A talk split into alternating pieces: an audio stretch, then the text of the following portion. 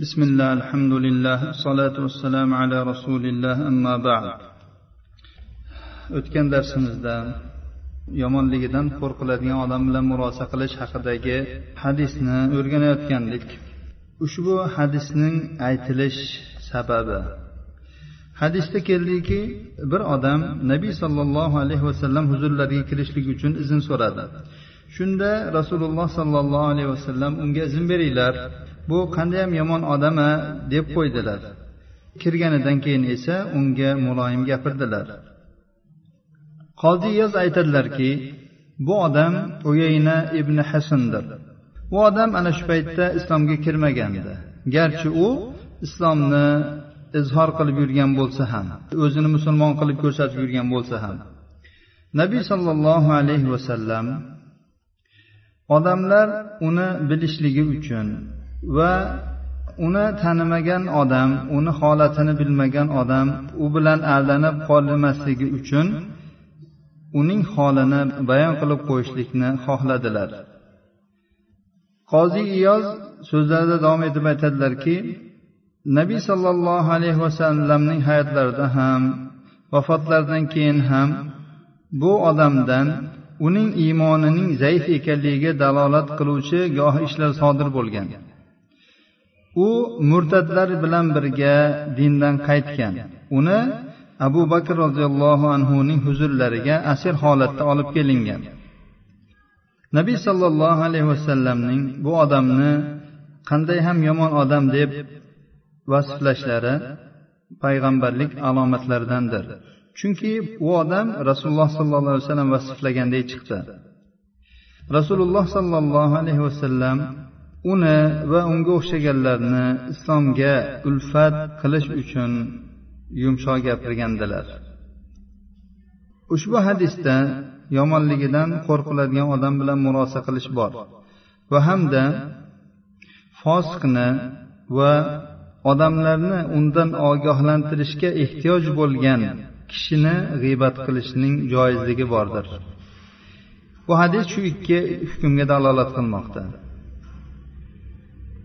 Nabiy sollallohu alayhi vasallam u odamni maqtamadilar va rasululloh sollallohu alayhi vasallam uni yuziga ham orqasidan ham yaxshi gap gapirganlari naql qilinmagan.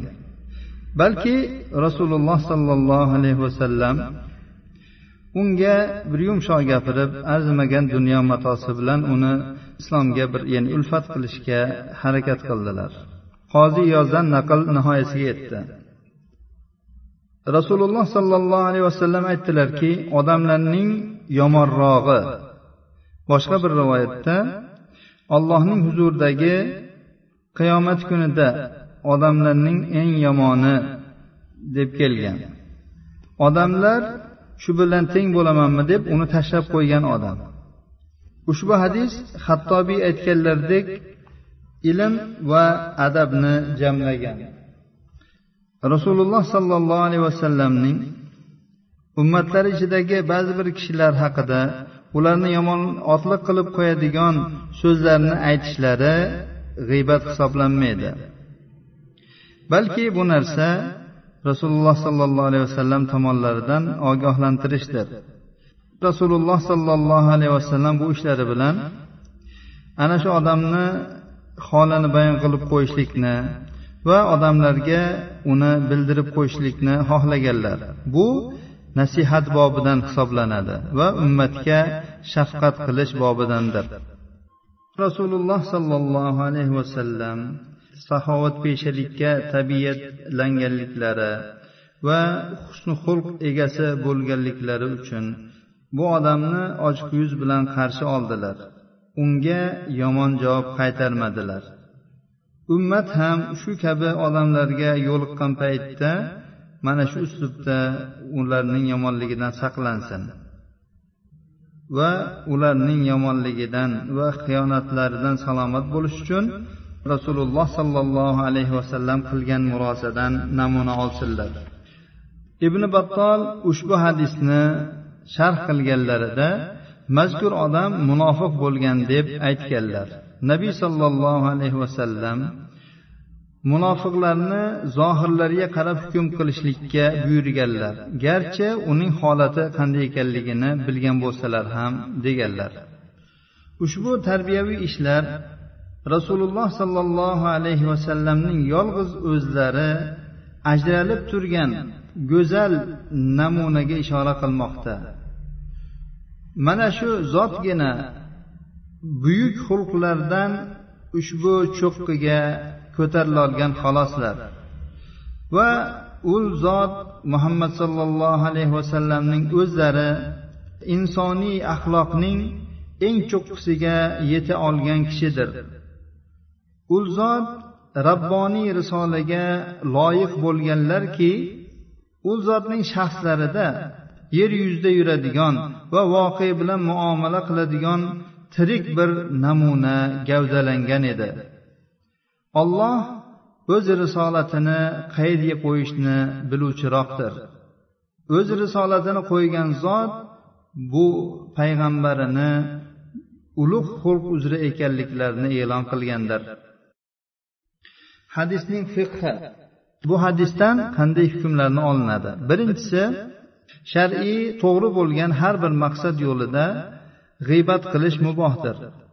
Ya'ni mana shu bilangina shu g'iybat qilish bilangina maqsadga yetiladi.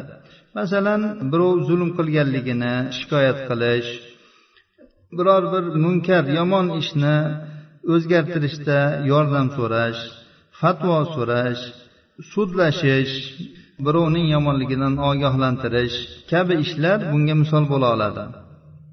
Va mana shu bobga hadis roviylarini hadis rivoyat qiluvchilarini tajrih qilish ular haqida ularning ayblarini aytish va guvohlarning ham e, ayblarini aytish kiraveradi. Va bunga qo'shimcha o'laroq biror kishini qo'l ostidagi odami haqida unga xabar yetkazish ham shunday bo'ladi. Agar bu nasihat bobidan bo'ladigan bo'lsa va haligi qalbidagi unga nisbatan bir adovatni boshqani bir qondirib olishlik uchun qilishlik mumkin emas. Ikkinchisi fosiqlik ya'ni gunoh kabiralarni zulmni bid'atni ochiq qiladigan odamlarni g'iybat qilish joiz. Falonchi mana shu bid'at ishni qilyapti yoki zulm qilyapti u qilyapti bu qilyapti deb aytsa bu bo'laveradi. Uchinchisi bu hadisda yomonligidan qo'rqiladigan odam bilan murosa qilishning joizligi va fosiqligini e'lon qilib yurgan oshkora qilib yurgan fosiqni bu odamlarni undan ogohlantirishlik lozim bo'lgan ehtiyojli bo'lgan odamni ham g'iybat qilishning joiz ekanligiga dalolat bordir. To'rtinchisi qurtubiy aytganlarki bu hadisda fosiqlik buzuqlik va shu kabi ishlarni ochiq oydin qilayotgan odamni g'iybat qilishning joizligi bordir. Va shuningdek modomiki tilyog'lamalikka olib borib qo'ymasa yomonligidan qo'rqiladigan odam bilan murosa qilish ham joizdir. Bu hadisdan olinadigan foydalar. Birinchisi go'zal axloqlar bilan va oliy sifatlar bilan ziynatlanish. Haqiqiy mo'minning sifatlaridandir. Ikkinchisi rasululloh sollallohu alayhi vasallamning ummatlariga yo'l ko'rsatishga va ularning qalblarida fazilatlarni ekishga bo'lgan harisliklari.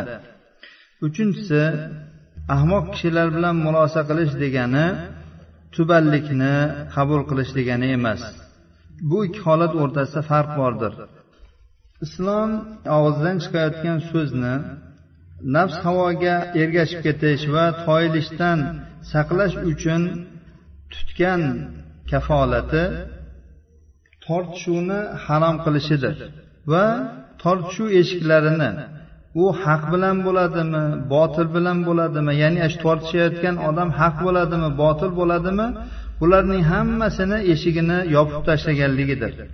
Rasululloh sollallohu alayhi vasallam aytganlarki kim agar o'zi nohaq bo'la turib tortishuvni tark qiladigan bo'lsa jannatning atrofida ya'ni chekkasida unga uy quriladi. Kim tortishuvni haq bo'lib turib tark qiladigan bo'lsa u uchun jannatning o'rtasida uy quriladi. Kimning xulqi chiroyli bo'ladigan bo'lsa u uchun jannatning yuqorisida oliy tomonlarida uy quriladi deganlar. Abu dovud rivoyatlari. To'rtinchisi bu hadis zararni ko'tarishlik uchun murosai madora qilishga ruxsat ekanligiga ishora qilmoqda. Alloh subhanahu va taolodan ushbu o'qib o'rgangan hadisimizni biz uchun foydali qilishini va barchalarimizni go'zal axloqlar bilan sifatlanishimizga muvaffaq qilishini so'rab qolamiz. Hada va sallallohu ala nabiyina muhammad va ala alihi va sahbihi vasallam